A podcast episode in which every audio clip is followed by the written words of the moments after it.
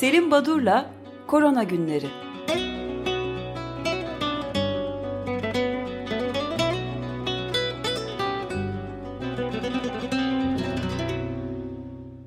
Günaydın Selim Badur, merhabalar. Günaydın, merhabalar, iyi yayınlar. Günaydın. Günaydın Teşekkür ederiz. Nedir genel Evet. durum?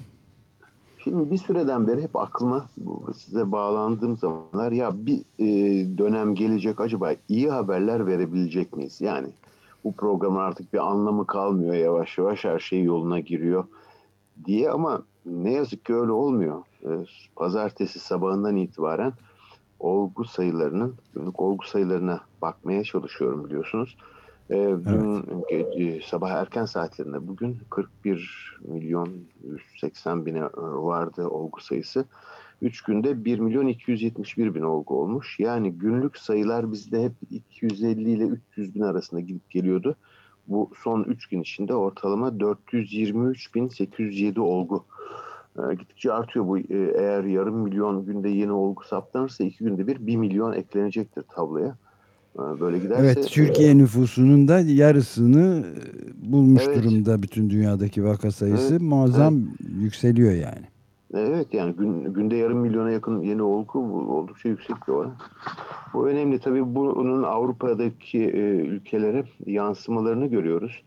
Bir iki örnek ver, vermek istiyorum. Örneğin e, tam karantinaya geçilen yani Fransa başlattı, İtalya'ya geçti, Belçika uygulamaya başladı. Gece sokağa çıkma yasakları. Nerelerde? İrlanda başladı, Slovenya başladı. İtalya'nın Lombardiya bölgesi, ki İtalya'nın Lombardiya bölgesinde son bir haftada hastaneye yatışlar yüzde 145, yoğun bakıma yatışlar da yüzde 126 artmış. Bu çok ciddi oranlar bunlar. Evet. Ee, Fransa'da gece sokağa çıkma yasağı nedeniyle artık e, sinema sahipleri e, bizim sektörümüz e, hani artık bitti. Biz artık toparlamamız mümkün değil de, diye demeç vermişler. Gerçekten uyuluyor bu yasağa ve e, 6 haftada sürecek. E, bunun e, yansımaları olacaktır. E, Dünya Sağlık Örgütü Avrupa, Afrika ülkeleri önlemleri gevşetmeye başladılar, başladılar ve bu nedenle de olgu sayılarına ciddi artış olmaya başladı bu kıtanın ülkelerinde dediler. Belçika ilginç biliyorsunuz Belçika küçük bir ülke ve e, olgu sayılarını en gerçekçi biçimde e, yaşamını yitirenleri en gerçekçi oranlarda bildiren ülke. E, Belçika'da tsunami öncesi bir dönem şeklinde yansıtılıyor şu an gelinen nokta. Hastaneler bizzat ayrı- Sağlık Bakanı söylüyor değil mi bunu? Tsunami kelimesiyle de. Evet. Evet evet hastaneler alarm veriyor. %95 olgu arttı. Yaşlılar evinde e, her hafta ikiye katlanıyor olgu sayısı. Belçika ilginç bir karar aldı. E, testleri yetiştiremiyoruz dediler. E, unutmayalım burası küçük bir ülke. E, donanımları iyi, e, olanakları var fakat bir PCR testinin sonucunu almak için neredeyse 5 gün e, gerekiyormuş ki bu testin yapılması, e, testin kendisi 2-2,5 saatten fazla sürmez. Ee, ama e, yoğunluktan bu nedenle asemptomatik olgulara ve e, hastayla temas edenlere artık PCR testi yapmayacaklarını ilan ettiler. Çünkü yetiştiremiyorlarmış. Ee, Yunanistan'da e, salı günü e, bugüne dek bildirilen en yüksek olgu bildirildi. İtalya'da 10 bini geçti yeni olgu. İsveç. İsveç ilginç çünkü birçok e, e, yayın organında dönem dönem İsveç'in en başarılı, en e, rahat, en e, uygun böyle paniğe yol açmayan bir yaklaşımı hep övülmüştü şimdiye dek. Ama e, çok fazla sayıda artış var. E, 20 Ekim'de sağlık yetkilileri işlerine iyi gitmediğini e, açıkladılar. 20 Ekim yani iki gün önce. E, ve e, yetkililerin, e, sağlık yetkililerin net olmaması ve şeffaf olmamaları dile getirilmeye başlandı. Bakın Fransa'da örneğin e, 100 binde 50 kişi yaşamını yitiriyor bu süreçte.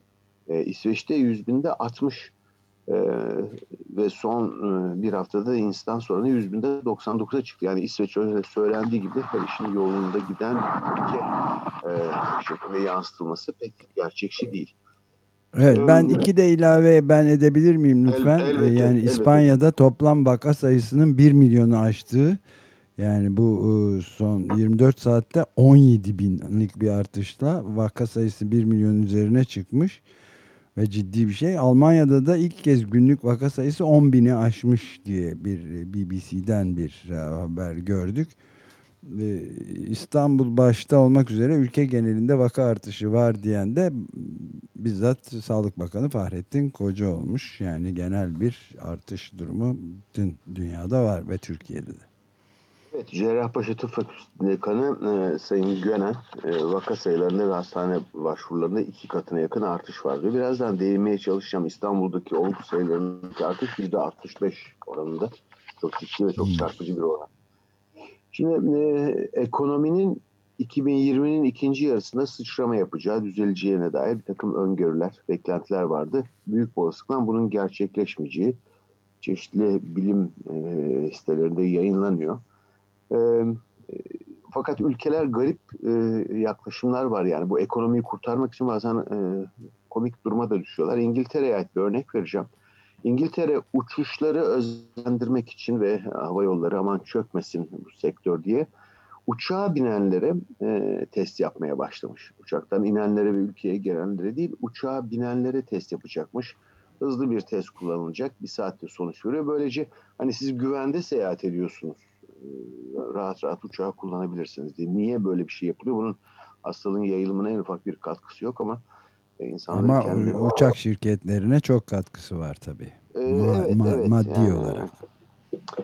Evet, e, bu arada birazcık bu komplo teorileri Sayın Güven Güzelder'in çok güzel yaptığı bir dizi programda değindiği konu önemli bir konu komplo teorileri. Örneğin maskeler gündeme geldiğinden beri e, sakıncaları ile ilgili ne kadar çok haber çıktı. İşte kanda karbon, oksijen miktarını azaltır maske kullanımı, karbondioksit zehirlenmesine yol açar. E, bugün de bir takım e, Avrupa'daki e, psikiyatri dernekleri çalışanları bu kısıtlamanın e, ve yasakların sembolü haline geldi diye maske kullanımını e, eleştiriyorlar. Ya da bir takım insanların kafasında kuşkular oluşturacak e, söylevlerde bulunuyorlar. Bu e, ilginç. E, fakat bu komplo teorileriyle ilgili biliyorsunuz bu 5G e, baz istasyonları neden oldu denmişti e, istasyonlar, bazı istasyonları yakılıyordu falan ama benim hiç aklıma gelmeyen bir komplo teorisi ya da bir böyle bir kara propaganda Amerika'da başlamış. Film Your Hospital diye bir e, akım. Bu e, akım e, uyarınca e, hastanelerde e, video çekiliyor. Özellikle boş yataklar ve boş koridorları çekip Size söylenen yalan bakın hastaneler bomboş öyle bir hastalık yok diyor. Böyle bir e, akım bu nasıl bir e, e, yaklaşımdır, nedir amaçları, ne yapmak isterler, niye böyle bir şey yapıyorlar? Bu çok tuhaf bir şey yani. Hastanenin boş koridorunu çekip size yalan söylüyorlar. Bu gerçek değil bu hastalık demek e, tuhaf bir yaklaşım. Şimdi Türkiye'den bir haber vererek e, buradan bu uzun süreden beri değinmeye çalışıyorum. Hep bunu söylüyordum sağlık e, çalışanlarının durumu ona bakmak istiyorum. E, ülkemizde 15-18 Ekim e, arasında elbette e, sanal ortamda e, Toraks Derneği, Türk Toraks Derneği'nin e, 23. yıllık kongresi, sanal kongresi yapıldı. E, e, sloganı bu senenin sloganı bilimle sağlıklı e, sağlıkta geleceği sağlıklı geleceği. Şimdi Torak hani e, özellikle e, göğüs hastalıkları uzmanlarının e, olduğu katıldıkları kongre Türkiye'deki bu e, tıp dernekleri arasında en aktif olanı e, küresel e, bir takım ilkelerle e, ve derneklerle en çok entegre olmuş olanı ve e, oldukça e, çok sayıda bilimsel çalışma yapan çok iyi bir e, dernektir. Şimdi Toraks Derneği'nin yaptığı bu kongrede e, bir iki e, gözlemleri var. Yani oradaki COVID ile ilgili sunulan bildirilerden çıkan bir rapor. Bu raporda e, bazı noktalar ilginç. E, örneğin e, bu kongreye sunulan araştırmalar COVID-19'a bağlı ölüm riskinin yaş ilerlediğinde, hastalık hastanede 5 günden fazla yatma gerektirdiğinde ve hastaların ek hastalıkları olduğunda belirgin biçimde artış gösteriyor diyor. Ancak ilginçtir. Örneğin şeker hastalığı, kanser e, gibi e, ya da e, koah gibi sorunları olanlarda 10 katı aşan bir oranda ölüm riskinin olduğunu vurgusu yapılmış.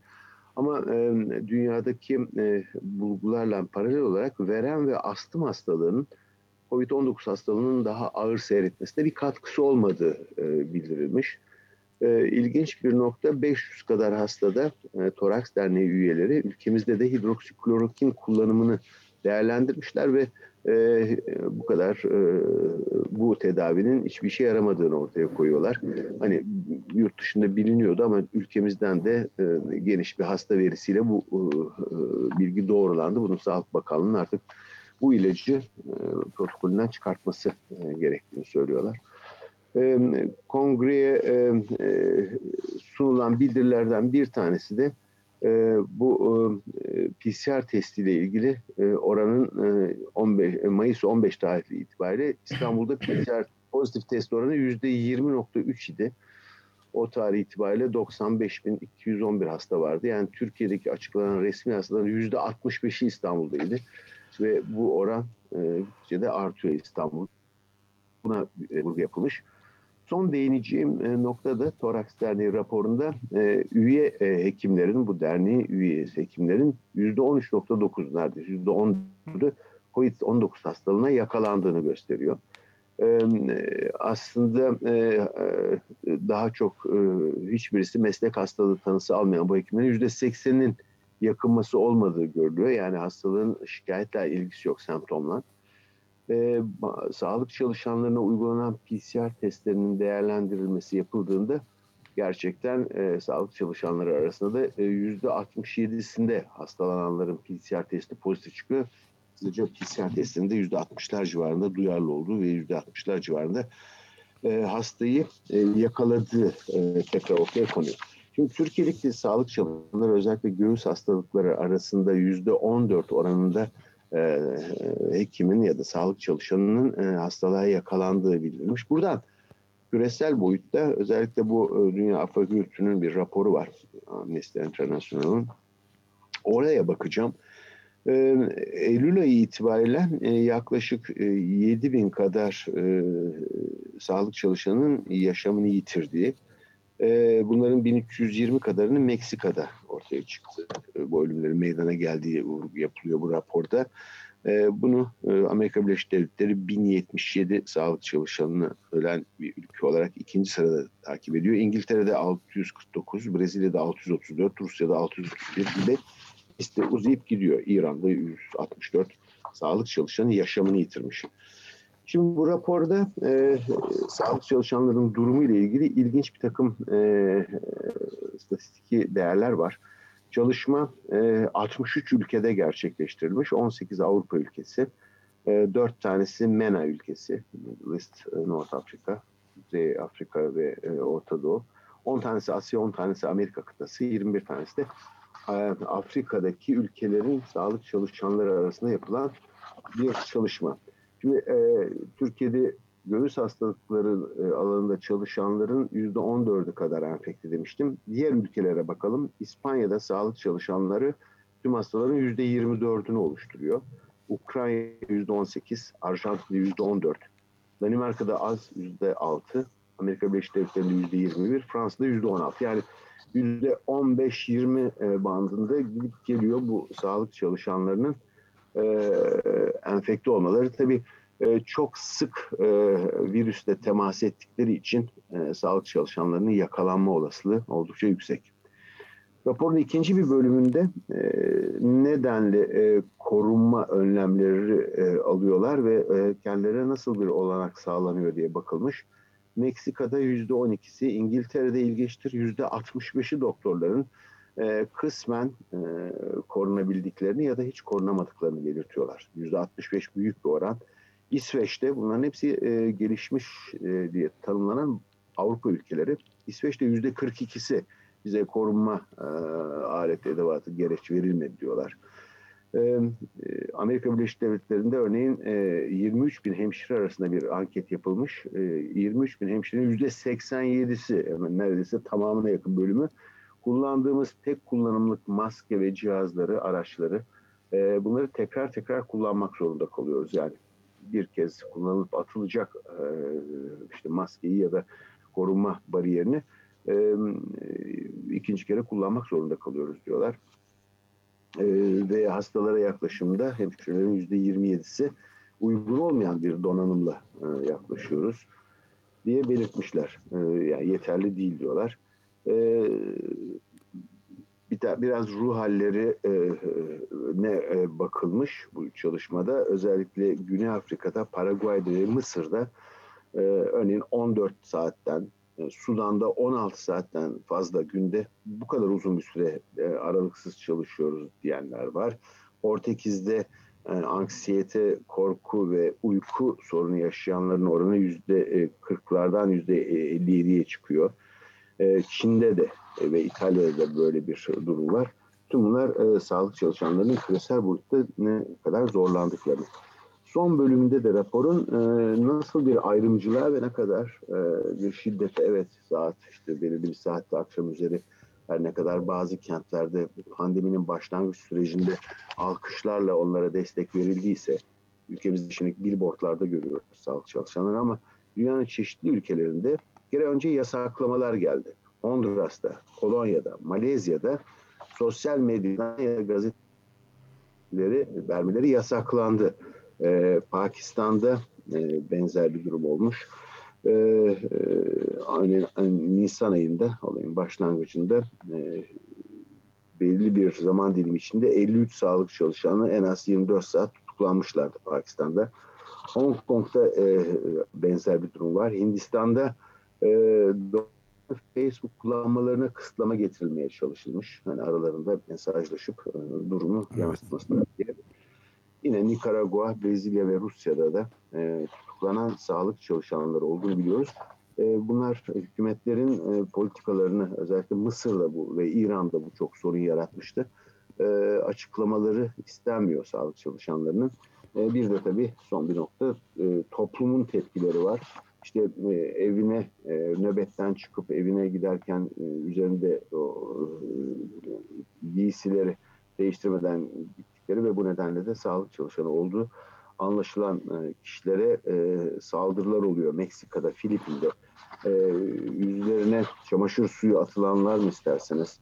E, ta, Hindistan'da olduğu gibi taşlan saldırılar mı? Rusya'da ambulans şoförlerine saldırı. Fransa'da sağlık çalışanlarının evlerine saldırı e, Pakistan'da, Sudan'da, Brezilya'da, e, Nijerya'da ve Meksika'da. Yani sağlık çalışanlarının durumu biraz tuhaf bir durum. Evet. Ee, yani Türkiye'de de e, tükenmişlik sendromunun ve çok yüksek sayıda e, kayıpların verildiği haberi vardı. Ben iki şey sormak istiyorum Türkiye ile ilgili evet. program bitmeden. Selim Badur bir tanesi Reuters haber ajansından üst düzey bir yetkili adı açıklanmamış e, Türkiye için hükümet belli yaş grupları için evde kalma emri verebilir. Kaynak herkes için geçerli sokağa çıkma yasaklarının da gündemde olduğunu söylemiş. Ve Türkiye'deki gerçek vaka sayısının da açıklananın 5 katı olduğunu ifade etmiş. Ee, İçişleri Bakanlığı yalanlamış bunu. Türkiye'de sokağa çıkma yasakları gelebilir haberine yalanlama getirmiş İçişleri Bakan Yardımcısı ve Sözcüsü İsmail Çataklı e, tamamen asılsızdır. Daha önce söylediğimiz gibi sahte genelgelere, isimsiz kaynaklara ve manipülatif haberlere itibar edilmelidir diyorlar. Ama böyle de Reuters gibi oldukça da önemli bir dünya uluslararası tanınmış haber ajansı en eskilerinden bir tanesinin de tam anlamıyla dışarıda bırakılabilir mi bilmiyorum. Bir de grip e, mevsimi e, geliyor ve grip aşısı e, kesinlikle bulunamıyor. Ancak çok yüksek şeyleri olanlar, riski olanların e şey tab ne, ne deniyor ona? E takibi işte öyle bir şey. Evet. İnternet üzerinden ve çok yüksek sayıda 5 ayrı hastalığı falan olmayanlara grip aşısı verilemeyeceğine dair de bazı izlenimler var. Yani Bunlara ne diyoruz? Ne yapalım? Ne yapılması lazım sizce? Şimdi birincisi Reuters'ın haberiyle ilgili tek bir şey söyleyeceğim. Eğer e, bakanlık şeffaf ve güvenilir bilgileri düzenli olarak aktarsa ve paylaşsaydı e, tabii bunlar başına gelmezdi. Şimdi biz e, bakanlığın açıklaması, açıklamasına mı inanırız Reuters'e mi? E, Birçok insan e, hani bakanlık açıklamasına ya zaten bize doğru bilgiler verilmiyor diye kuşkuyla bakıyor. Bunun keşke böyle olmasaydı. Grip aşısı konusunu isterseniz pazartesi günü daha ayrıntılı konuşalım. Türkiye'de Evet çok iyi e, olur. E-nabızdı ben de unutmuştum bir türlü E-nabız çok evet. manalandıramadım şeyi. Lafı Türkçeyi onun için oldu. E, e, e, elektronik nabız gibi bir şey. Elektronik ee, nabız evet. Şimdi Türkiye e, Türkiye'de risk grubu dediğiniz zaman at, e, 65 yaş üstü olsun işte astımı, koahı, kalp hastalığı, böbrek hastalığı, kronik karaciğer hastalığı olanlar bunların hepsini topladığınız zaman 18 milyon kadar bir e, grup oluşuyor. Bunların ücretsiz aşılanmaları, grip aşısı aşılanma hakları var. Ee, ancak e, işte yetersiz aşılanıyorlar. Ee, Türkiye'ye aşı az sayıda giriyor. Nedenlerini pazartesi günü gerçekten konuşalım ama bu sene zaten Biyanet'ten öğrendiğim kadarıyla Türkiye'ye 1 milyon 350 bin aşı alınmış. 1 milyon 350 bin aşıyı kime aşılayacaksınız? Bu 18 milyonu sadece risk gruplarını aşılasanız eğer bu ne kadarına yeter? Ee, yani... Hayır, yetkilileri aşılayacaksınız. Güçlü, güçlü, yetkili ve zengin olanları. Yani e, e, çok anlamsız şeyler bunlar. Ee, beceriksizlikler en azından öyle diyeyim yani. Tabii haklısınız öyle bir grup aşılanacak herhalde. Ee, bilimsel çalışmalar var ufak noktalar bunlara vaktim kalmadı ama e, Nature and Scientific Reports'ta bir yayın İtalya'dan, Milano ve Fransa'da PM değerleriyle yani hava e, kirliliği ile e, hastalığın COVID-19'un nasıl e, paralel yürüdüğünü ve hava kirliliğinin nasıl hastalığın ağır geçirilmesine yol açtığını e, gösteren Simon Lolli ve arkadaşlarının ilginç bir yayını var. Belki buna da e, ilerideki programlarda da yer veririz ama e, pazartesi günü konusu grip aşısı ağırlıklı olsun eğer isterseniz. Çünkü gerçekten çok tabii, tabii, çok, var. Çok önemli bir mesele ve ciddi sıkıntı yarattığını bildiğim birçok e, yakın çevremde de insanlar var yani. Evet, çevremde. evet yani grip aşısını yaptırmayan grip aşısına hani, e, e, burun dudak kıvrandır, e, pek rağbet etmeyen, inanmayan, güvenmeyen, önemsemeyen e, birçok insan grip aşısı peşinde koşuyor. Bir yanlış anlaşma var belki yani grip aşısı Covid'den olacak. Hayır böyle bir şey yok tabii o iki farklı virüs. Ama e, tabloyu ağırlaştırmaması, iki patolojinin bir anda olmasının yaratacağı sorunlar ve sağlık merkezlerinin yükünü hafifletmek için grip aşısı e, olması, olunması e, tabii ki doğru bir yaklaşım. Ama ne yazık ki e, çok az grip aşısı ülkeye girdi bu sene veya e, bu durum değişmezse eğer 1 milyon 300 bin gibi e, hiçbir e, e, anlam ifade etmeyen bir sayı söz konusu. Evet. Bunu pazartesi günü konuşalım isterseniz. Konuşalım. Çok teşekkür ederiz. Ben teşekkür ederim. İyi yayınlar. Sağ olun. Teşekkürler. Görüşmek üzere. Görüşmek üzere. Sağ olun. Ha, pardon. Bir şey ekleyebilir miyim? Tabii. Ee, yarın önce sağlık programında ha, e, evet. ülkemizdeki ilk e, yakalanan, hastalığa yakalanan sağlık çalışanlarından Profesör Bülent Tutoğlu konuğumuz olacak e, Bülent e, arkadaşımız e, hem hastalığa yakalanan ve ağır geçiren 10 gün kadar yoğun bakımda yatan hem de kendisi bir göğüs hastalıkları profesörü şu anda da aktif ve yoğun bir şekilde çalışmasını sürdürüyor. E, Bülent'in hem kendi yaşadıkları yani özelinde hem de e, e, ne olup bitiyor göğüs hastalıkları servislerinde onu konuşacağız. Bu konuda belirtmiş olayım. Bir bilgi. Tamam çok teşekkür ederim. Çok önemli evet. Ben teşekkür ederim. İyi yayınlar efendim. Sağ olun.